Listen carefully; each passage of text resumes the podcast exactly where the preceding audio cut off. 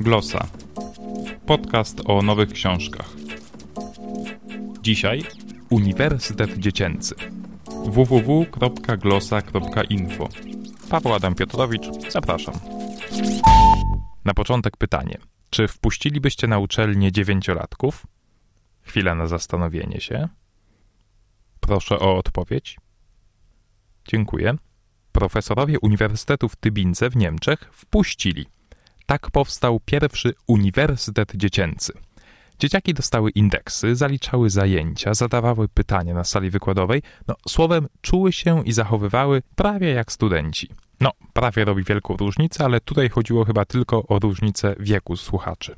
Skąd to wszystko wiem? A stąd, że przed kilkoma dniami ukazała się książka Uniwersytet Dziecięcy. Znajdziemy w niej treści wykładów i opis działania tej nietypowej uczelni. Okazuje się więc, że małoletni studenci słuchali wykładów o śmierci dinozaurów, ale też o śmierci ludzi. Dowiedziały się, dlaczego śmieją się z dowcipów i dlaczego szkoła jest głupia. Hm, pewnie dlatego, że nie jest uniwersytetem.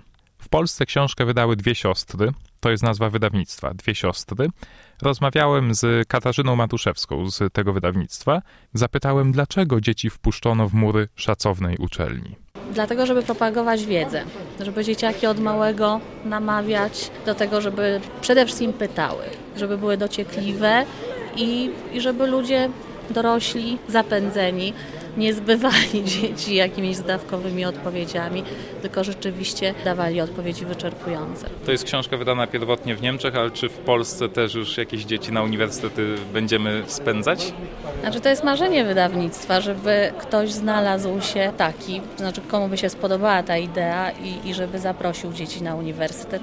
Próbujemy dzieciom przybliżyć wiedzę, organizując spotkania w klubokawiarniach. Pierwsze odbyło się w Mówce na Ordynackiej, gdzie przyszła rodzina czeczeńska, muzułmańska i odpowiadała dzieciom na pytania. Jakie to były pytania? Na przykład, czy muzułmanie wiedzą, co to jest piłka i czy grają w piłkę. O, o tym, jak, jak się siada do stołu, jak, jak są dzieci traktowane, jak, jak wyglądają szkoły.